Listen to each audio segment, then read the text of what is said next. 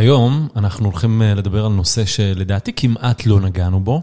חברה יחסית ותיקה, נשמע את הסיפור שלה, אבל לפני נספר לכם על נותני החסות שלנו.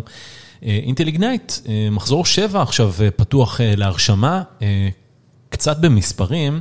עד היום החברות שהיו בששת התוכניות גייסו ביחד מעל מיליארד דולר. הגענו כבר למספר הפסיכי הזה.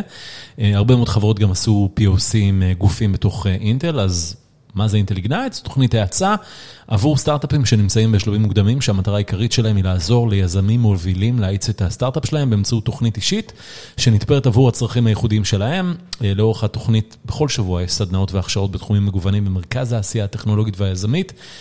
תחומים כמו פיתוח מוצר, אסטרטגיה עסקית, שיווק, פיתוח עסקי, התוכנית כולה מלווה במנטורינג צמוד. החברות מקבלות מנטור עסקי ומנטור טכנולוגי.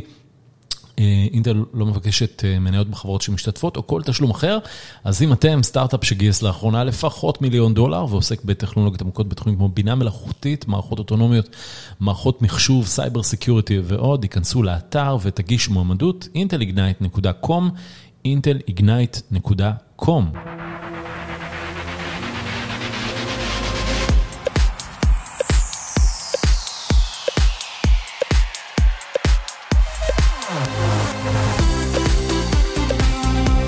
שלום לעופר מוסרי. שלום אביב. מה העניינים? בסדר גמור. מאקס ליבריס. נכון, כיף להיות פה. כיף שבאת. אנחנו מדברים על עולם של אקדמיה, נכון? זה מה שאתם עושים. מה זה אקס ליבריס? אקס ליבריס, אנחנו אוהבים לקרוא לעצמנו הסוד הכי גדול של ההייטק הישראלי. החברה הכי גדולה שלא הכרת. אקס ליבריס קיימת בנוף של ההייטק ושל הטכנולוגיה כבר משנות ה-80. וואו. למעשה החברה התחילה כאיזשהו ספין-אוף של האוניברסיטה העברית בירושלים, עם מוצר שנקרא א', לניהול ספריות, ועם השנים הלכה וגדלה דרך פיתוחים פנימיים, דרך רכישות. התגלגלה בין כמה ידיים של private equities, והיום ממש מובילת שוק, מובילה גלובלית, בתחום של מערכות מידע לאקדמיה. עם איזה אוניברסיטאות בעולם אתם עובדים? אנחנו היום באמת נחשבים לשחקן המוביל בתחום הזה, אנחנו עובדים עם כל האוניברסיטאות הגדולות ביותר בעולם, החל מהרווארד ואוקספורד וקיימברידג' וספריית הקונגרס והספרייה הלאומית של בריטניה. ורבים וטובים, וכמובן כל האוניברסיטאות בישראל, מוסדות מחקר גדולים, ספריות לאומיות גדולות. ומה המוצר? איך זה התחיל? החבר'ה באוניברסיטה העברית אמרו, יש לנו ספרייה, נעלה אותה על מחשב, נסרוק את כל הספרים וכתבי העת כדי שיהיו נגישים? כן, אז אני חושב שפה אולי מילת הסבר לגבי ספריות. ספריות זה לא מה שאנחנו חושבים שהן. כלומר, אנחנו, אני מניח שכולנו גדלנו עם הספרייה הציבורית איפשהו במורד הרחוב, עם הרבה מדפים, ספרנית שבעיקר דואגת לשקט. אני חושב שהיום ספריות, במיוחד ספריות אקדמיות, ספריות של מוסדות מחקר גדולים ומובילים, היא הרבה יותר מזה. יש פה אתגר אמיתי לנהל ידע בעולם מאוד משתנה, שבו גם המידע הוא כבר מזמן לא רק בדפוס, אלא גם בפורמטים אלקטרוניים, דיגיטליים. הלקוחות, הצרכנים של המידע הם מאוד מגוונים, מסטודנטים והדור הצעיר שמחפש הכל במובייל, 24/7, וחוקרים שמחפשים מידע באופן נגיש הרבה יותר, וכמובן התפוצצות המידע. הכמות שספרייה היום צריכה לנהל היא מדהימה לעומת מה שפעם היה נדרש. ולכן נדרשת פה טכנולוגיה מאוד משמעותית שיודעת לטפל בכמויות עצומות של מידע. להנגיש אותו, במיוחד לארגן אותו בצורה שהיא הרבה יותר יעילה, ובזה אנחנו מתעסקים בעצם, זה מה שאנחנו עושים, אנחנו מאמינים שאנחנו עושים את זה בצורה הטובה ביותר בעצם. אז זה באמת התחיל מזה שהלכו לספרייה של האוניברסיטה וסרקו מלא ספרים והעלו את זה? ככה זה התחיל? כן, אז היום אם אתה מסתכל על ספרייה ממוצעת של מוסד אקדמי או מוסד מחקר, יש להם את ה-legacy, את הספרים שיושבים שם במדפים, חלקם אגב כבר לא יושבים בספריות, אלא יושבים באיזשהם אתרים זולים יותר מחוץ לעיר או במקומות, במחסנים גדולים, אבל היום ספריות גם מנהלות הרבה מאוד מנויים בעצם, subscriptions למאגרי מידע אלקטרוניים. כמו JSTOR וכאלה? נכון, נכון, דומים בסגנון הזה, בהתאם לתחום שהם מכסים או שהם מתמקדים בו. הרבה מאוד מידע שגם עבר לפורמט דיגיטלי, הם סרקו עם השנים כל מיני אוצרות שיש להם, בין אם זה ספרים ישנים או מאגרים אחרים. והידע הזה צריך להיות מנוהל באיזשהו אופן, בצורה חכמה, שגם מאפשרת אחזור, כלומר, צריכים לגשת אליו בצורה מסודרת. לחפש אותו. לחפש אותו וגם למצוא איזשהם קשרים בין ספרים. כלומר, כל הניהול של הביג דאטה פה הוא מאוד מאוד קריטי בספרייה אקדמית, ספריית מחקר. וזה בדיוק מה שאנחנו נותנים בעצם, אותה טכנולוגיה שיודעת לטפל בכמויות עצומות, בלתי נתפסות, ביליונים של רשומות, בצורה מאוד מאוד חכמה, מהירה, יציבה. ואיך אתה הגעת לחברה? טוב, אני אומנם ביקרתי בספרייה לאורך שנותיי כסטודנט, כתלמיד וכן הלאה, אבל אני הגעתי לחברה לפני שבע שנים בערך. אני יותר בוגר של ההייטק הישראלי במסלול היותר, נקרא לזה, הנורמטיבי, אני יוצא 8200. ביליתי הרבה מאוד שנים בחברת נייס, תפקידים בכירים שונים, וב-2015 הצטרפתי לאקסליבריס, תפקיד בכיר, לנהל את החטיבה של אירופה. ומשם התגלגלתי למנכ"לת החברה שנה שעברה. וכשאתה אומר, הענק שאף אחד לא מכיר בהייטק הישראלי, כמה באמת החברה גדולה? כן, אז היום אקסליבריס היא חלק מחברה בשם קלאריבייט. אנחנו נרכשנו על ידי קלאריבייט, חברה בריטית-אמריקאית ציבורית באמצע 2021. אקסליבריס, אבל כחברת בת, כחטיבה בתוך קלאריבייט, היא גוף מאוד משמעותי, יש לנו היום באזור ה-900 עובדים. בכל רחבי העולם, יש לנו... כמה בישראל? כ-500 בישראל, מרכז פיתוח, מרכז מאוד גדול בירושלים, באזור של מלחה, בגן הטכנולוגי. אנחנו מאוד מאוד גאים במרכז הישראלי, אמנם לאורך השנים הפכנו להיות חברה גלובלית אמיתית, סניפים בכל רחבי העולם, אבל תמיד הלב והמוקד הוא בירושלים. ואני קראתי לפני הפרק שלנו, שהחברה ככה התגלגלה בין ידיים. אז ספר לי קצת על ההיסטוריה. אוקיי, החברה הייתה ספין-אאוט של האוניברסיטה העברית, ואז מה? נכון. כן, אז החברה הלכה וצמחה והתרחבה, גם על ידי פיתוח של מוצרים משלימים, וגם על ידי רכישות. החברה השכילה לאורך השנים לרכוש חברות בתחום. מה, מתחרות? חלקן מתחרות, חלקן הוסיפו מוצרים לפורטפוליו שלנו, באופן שהשלים את הפתרונות שלנו. ונכון, החברה באמת הייתה בידיים של כמה private equities, תמיד מאוד מאוד תומכים, מאוד... אז אני מניח שה-private equity הראשון, מה, קנה את החברה בכמה עשרות מיליוני דולרים? מה היה שם? כן, אני לא זוכר בדיוק את המספרים, אבל זה היה עשרות בודדות של מיליוני דולרים. כמובן, אחרי כמה שנים טובות של לפתח את העסק, משם החברה פחות או יותר הכפילה, שילשה את הערך שלה. הרכישה האחרונה של אקסליבריס כחלק מ... מהגוף שבו ישבנו בפעם האחרונה, כבר הייתה בביליוני דולרים, במיליארדים. במיליארדים. כן. וכמה מתוך ה business שנקנה זה אקסליבריס, אם היית יכול להעריך? שוב, אנחנו חברה ציבורית, אז יש פה קצת רגישות מבחינת נתונים מדויקים, אבל אנחנו חברה שהיום מגלגלת מאות מיליוני דולרים בשנה. אז אתם עובדים בעיקר עם אוניברסיטאות. אוקיי? נכון. לפני כמה פרקים אירחתי חבר בשם רועי ציקורל, ציקו, שהוא אחד היזמים של מאסטר סקול, אוקיי? חברה שבעצם עושה איזושהי מהפכה בעולם הזה של EdTech, Education Technology. נכון. חברה שגייסה סיד מטורף של 100 מיליון דולר, ובעצם מה שהיא עושה זה מלמדת חבר'ה צעירים, מקצועות הייטק, ואחרי זה בעצם האופן שבו היא עושה כסף זה רק אם הסטודנט משיג עבודה, אז הוא משלם לחברה, כך בתשלומים כחלק מהשכר שלו. והייתה לנו שיחה על עתיד האקדמיה, הידע, ויש אנשים שאומרים שבמאה ה-21, בשנת 2022, אולי לא צריך אוניברסיטאות. מה אתה חושב על זה? כן, זה נושא שאוניברסיטאות בכל רחבי העולם מתמודדות איתו. כלומר, יש פה באמת שאלה של מה הערך האמיתי של תואר אקדמי. יש אפילו מדינות, כמו בריטניה, ששמות דגש אפילו על ה-employability. כלומר, לא רק שעשית תואר, אלא גם מה הסיכוי שלך כבוגר החוג להיסטוריה או מדע המדינה במנצ'סטר, לקבל עבודה בתחום. ואפילו התקציבים שהמדינה נותנת מופנים. בהתאם ל-employability של החוגים. הרבה מאוד אוניברסיטאות אפילו בחרו לסגור חוקים, להתמקד בדברים שהם הרבה יותר רלוונטיים לעולם העכשווי וכן הלאה. אז זאת מגמה אחת של ה-employability והלחץ שיש על המוסדות להוכיח את הערך עבור הסטודנט.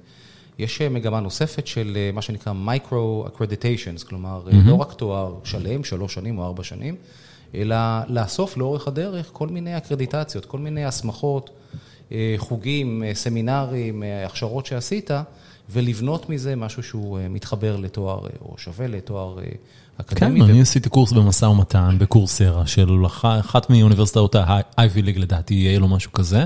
לא סיימתי אותו, כי היה מה זה משעמם. קראתי איזה ספר מעולה, בהזדמנות אני אולי אמליץ עליו, על משא ומתן.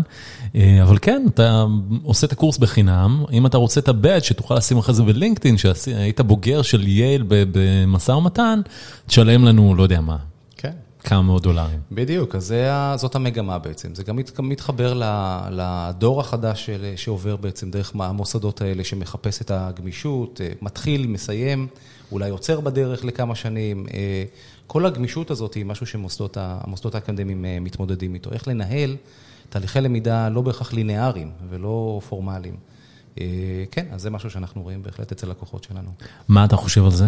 יש עתיד לאקדמיה? לאוניברסיטה? בוודאי, אני חושב שבוודאי. אני חושב שמקומם של ספריות ושל מוסדות אקדמיים הוא מובטח, מכיוון שהם בעצם הגוף היציב ביותר, המסודר ביותר, להמשיך מחקר ולעודד חדשנות.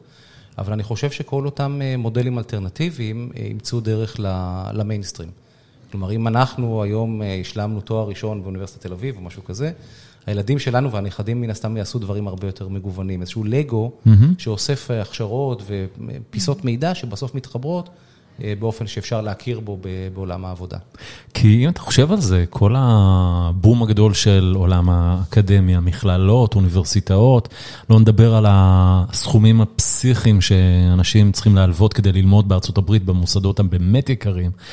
זה משהו כזה של איזה מאה שנה, אוקיי? אפילו פחות, כי עד, לא יודע מה, עד המאה ה-20, רוב האנשים לא למדו באוניברסיטה, למדו מקצוע, בין אם זה הגילדות של ימי הביניים, ולא יודע, הכשרות שהם עשו, והיום רואים אולי חזרה.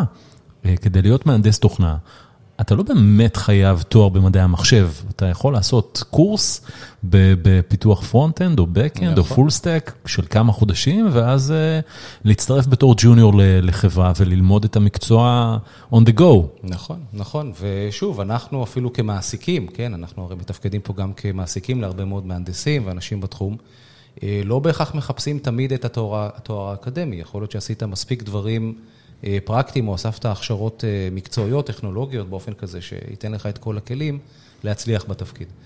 אז אני חושב שזה משהו ש... כלומר, השוק הוא מספיק רחב, גם הקהל שמחפש הכשרה וידע, הוא מספיק מגוון כדי לתמוך גם באוניברסיטאות הפורמליות, אבל גם במסלולים אלטרנטיביים. אנחנו נראה יותר ויותר מזה.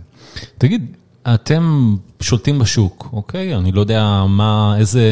תמיד יש תחרות בריאה ששומרת אותנו. כמה אתם, כמה מהשוק אתם מעריכים שאתם מחזיקים? שוב, זה דברים קצת רגישים לחברה ציבורית, אבל אני חושב שזה, כלומר, תמיד יש תחרות, והיא תחרות בריאה, שגם דוחפת אותנו לחדשנות. זה מאוד תלוי בשוק שבו אנחנו פעילים, במוצר, יש לנו קו מוצרים די רחב, אבל אנחנו בהחלט... אוקיי, אז הגעתם לעמדת הובלה, אז what's next, כאילו, לחברה כמו אקסליבריס? כאילו, מה עוד נותר? יש לך את כל האוניברסיטאות הכי נחשבות, נתת את הרשימה. כן. אני חושב שההתרחבות הטבעית שלנו, משהו שאנחנו גם עושים בכל השנים האחרונות, הוא התרחבות מבחינת סל הפתרונות, או סל המענים שאנחנו נותנים לצרכים של ספריות אקדמיות ומוסדות אקדמיים בכלל.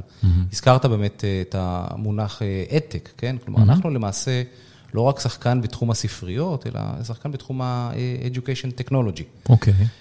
ונגזרת מזה הוא בעצם אסטרטגיה שלוקחת את הפתרונות שלנו ימינה ושמאלה סביב הספרייה.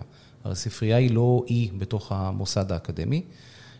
מוסדות אקדמיים הם בעיקר שם כדי לתמוך בתהליכי למידה, כן, teaching and learning, לתמוך כמובן בתהליכי מחקר. והפתרונות שלנו מתרחבים בעצם מעבר לליבה של תהליכי ספריות, לאותם אזורים של. אז מה, איזה עוד מוצרים יש לכם? אז אחד המוצרים המשמעותיים שלנו תומך בניהול ידע מחקרי. כשאתה חושב על, על תהליך מחקר, כשצוות או חוקרים מתעסקים בו, יש הרבה מאוד עבודה מעבר למאמר או המחקר המוגמר. שבסוף מתפרסם בירחון אקדמי. יש הרבה מאוד איסוף מידע עוד לפני זה, עבודת הכנה לקראת המחקר, באיזה תחום להתמקד, מאיפה לקבל תקציב. כל הידע הגולמי, כל המידע הגולמי שאתה אוסף לאורך הדרך, כן? אפילו פרזנטציות שהצוות עושה בכנסים מדעיים וכן הלאה וכן הלאה. כל אותו ידע, בסופו של דבר צריך לשבת בצורה מאוד מאוד מסודרת סביב ניהול המידע של המחקר. הרבה פעמים זה גם נדרש אפילו כדי לקבל תקציבים מהמדינה או מהמוסד עצמו, להראות שהכל יושב בצורה מסודרת, להנגיש אותו אחר כך. אחד המוצרים המשמעותיים שלנו, מוצר שנקרא אספלורו, מאפשר בעצם את אותו, נותן איזושהי פלטפורמה לניהול כל אותו מידע מחקרי. זו דוגמה אחת בעולם המחקר. דוגמה אחרת, יותר בניהול תהליכי למידה, Teaching and Learning. אנחנו גם ישבנו תמיד בקורסים באוניברסיטה, אתה מקבל הרבה פעמים רשימת קריאה. כן, סילבוס. סילבוס, בדיוק, נכון. ואז יש מרוץ של כל הסטודנטים להשיג את אותם שני עותקים בספרייה, ומבלים שעות לשכפל וכן הלאה. נכון, וואי, כמה, בתואר ראשון, כמה הייתי משכפל. שלא להזכיר את האסימונים שאתה צריך למכונות הגדולות. נכון, נכון. כן, אז היום זה נעשה בצורה קצת יותר מסודרת, בין השאר גם בעזרת הטכנולוגיה שלנו.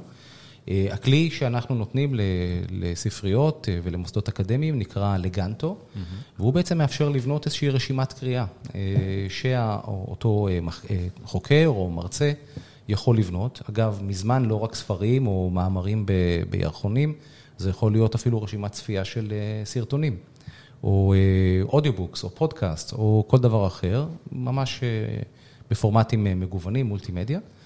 ואותה מערכת מאפשרת לבנות את אותה רשימת קריאה מומלצת, מאפשרת לספרייה לראות בדיוק מה נדרש, כך שהספרייה יכולה גם לנהל את תהליכי הרכש בהתאם למה שנדרש בקורסים, מאפשרת לסטודנטים לראות את הרשימת קריאה באופן אונליין, אפילו להזמין את הספרים כבר מתוך הרשימה, להחליף חוויות ורשמים עם הסטודנטים האחרים באותו קורס, לתקשר עם החוקר או עם המרצה.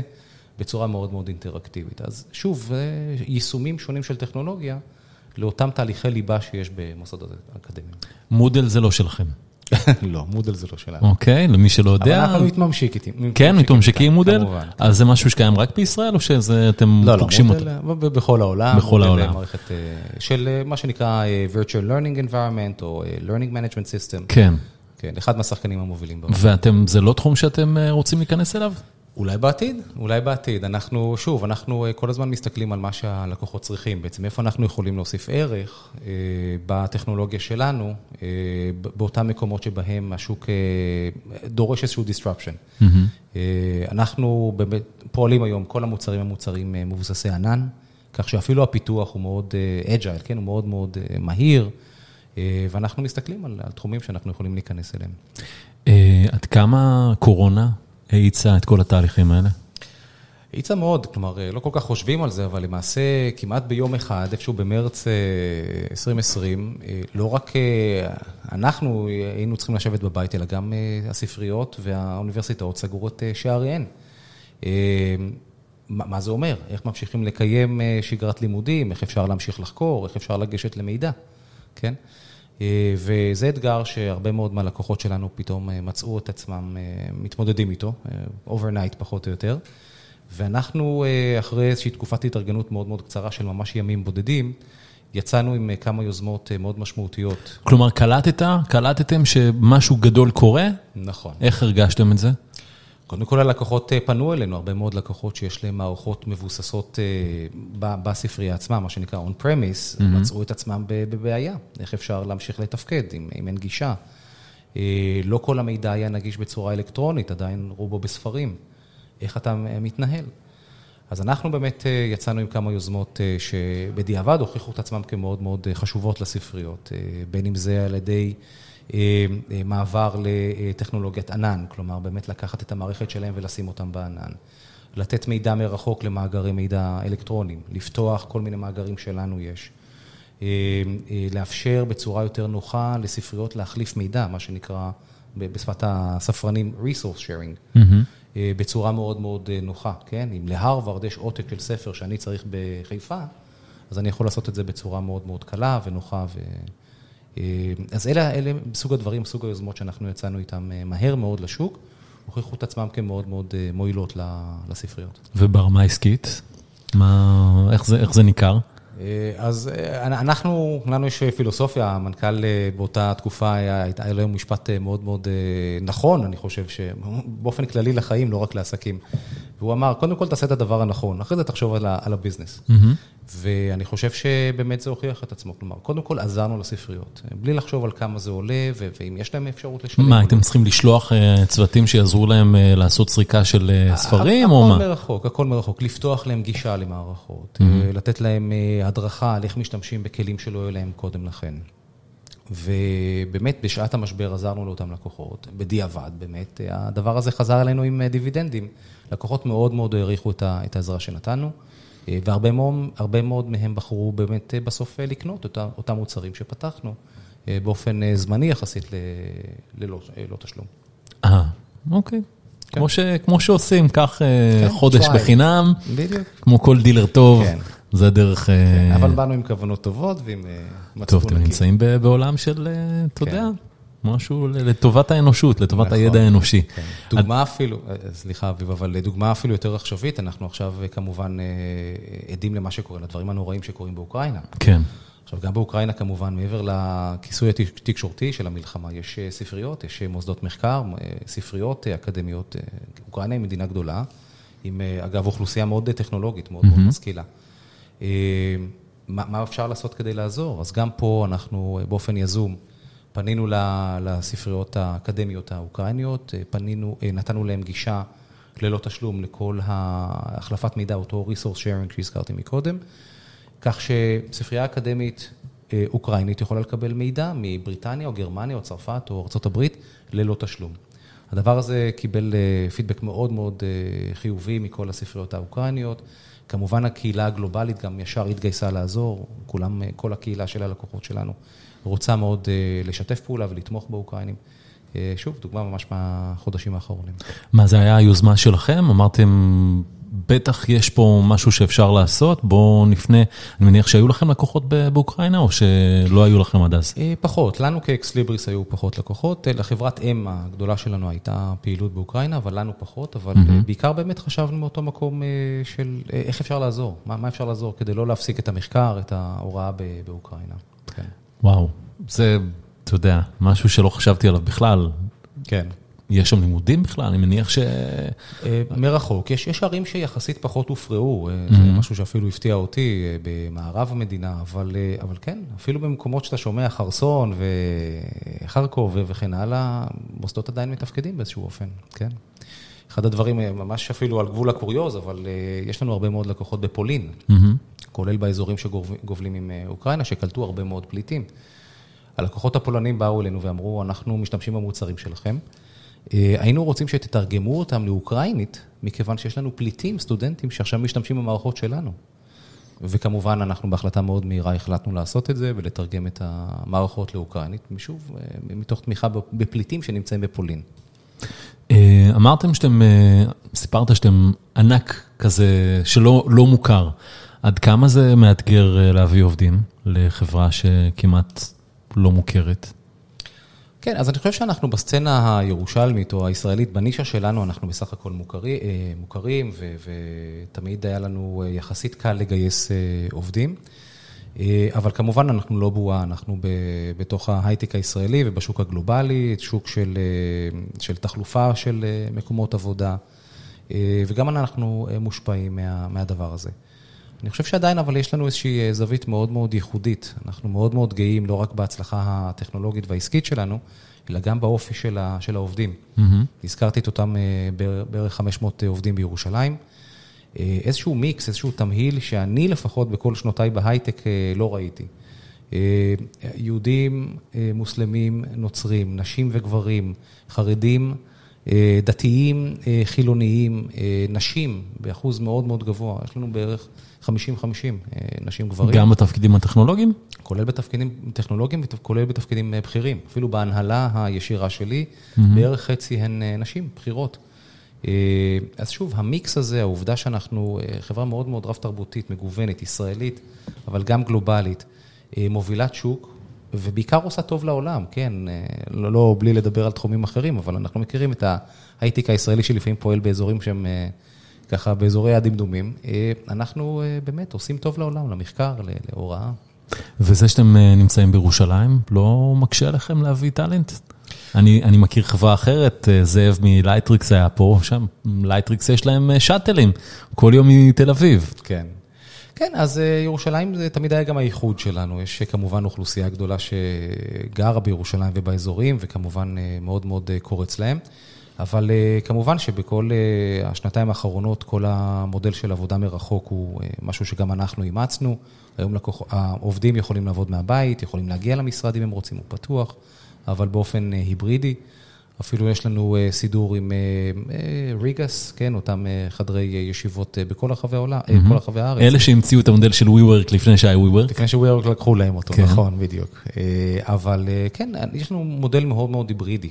העובדים יכולים לגשת למשרד, ליהנות מהסביבה וכל הפינוקים של לעבוד מהמשרד, לפגוש חברים, אבל גם לעבוד מהבית שצריך, לעבוד מחדר ישיבות מסודר, בעיר שיותר קרובה אליהם. יש לנו עובדים מכל רחבי הארץ, לא כולם ירושלמים. אז מה האתגרים שלכם היום? אני חושב שהאתגרים הם חיוביים, כלומר, אנחנו צריכים להמשיך ולצמוח באזורים הכלליים שבהם אנחנו פועלים. יש לנו עוד הרבה מאוד מה לעשות, הרבה מאוד רעיונות שדורשים ככה ביצוע.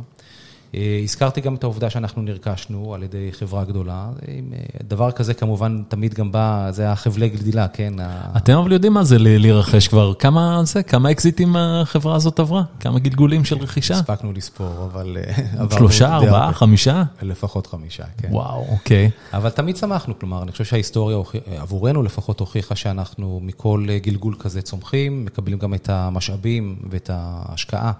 להמשיך ולצמוח, ואנחנו באמת ככה לוקחים את זה בפתיחות, רואים הרבה מאוד אזורים שבהם אנחנו יכולים להיעזר באותה חברת אם גדולה, קלאריבייט, שהזכרתי, מבחינת מיקום גיאוגרפי, מבחינת כוח מכירות מאוד מאוד משמעותי, מוצרים משלימים שיש להם, במיוחד באזורי ה-research, המחקר שדיברתי עליו קודם. כך שאנחנו מאוד קרובים לעצמנו, לא מוותרים על החוצפה הישראלית, על התחכום, על המהירות תגובה. אבל גם נעזרים במשאבים של החברה הגדולה יותר. כי אקזיט זה אתגר מעבר לסיפור היפה, לתמונה בעיתון או באתר, או אתה יודע, המיליונים שהיזמים עושים, או הכסף שאולי גם העובדים עושים. הרבה פעמים יש סטטיסטיקה שחלק גדול מהאקזיטים נכשלים. כלומר, המוצר מת, או הנה, סולוטו, רק זה, רק לא מזמן. חברה...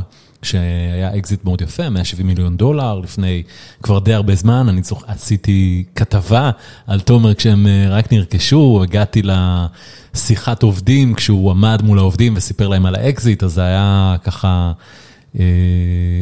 אז הרבה פעמים זה נכשל, אז מה עושים כדי שזה לא ייכשל? איך, איך אתה מנווט את זה?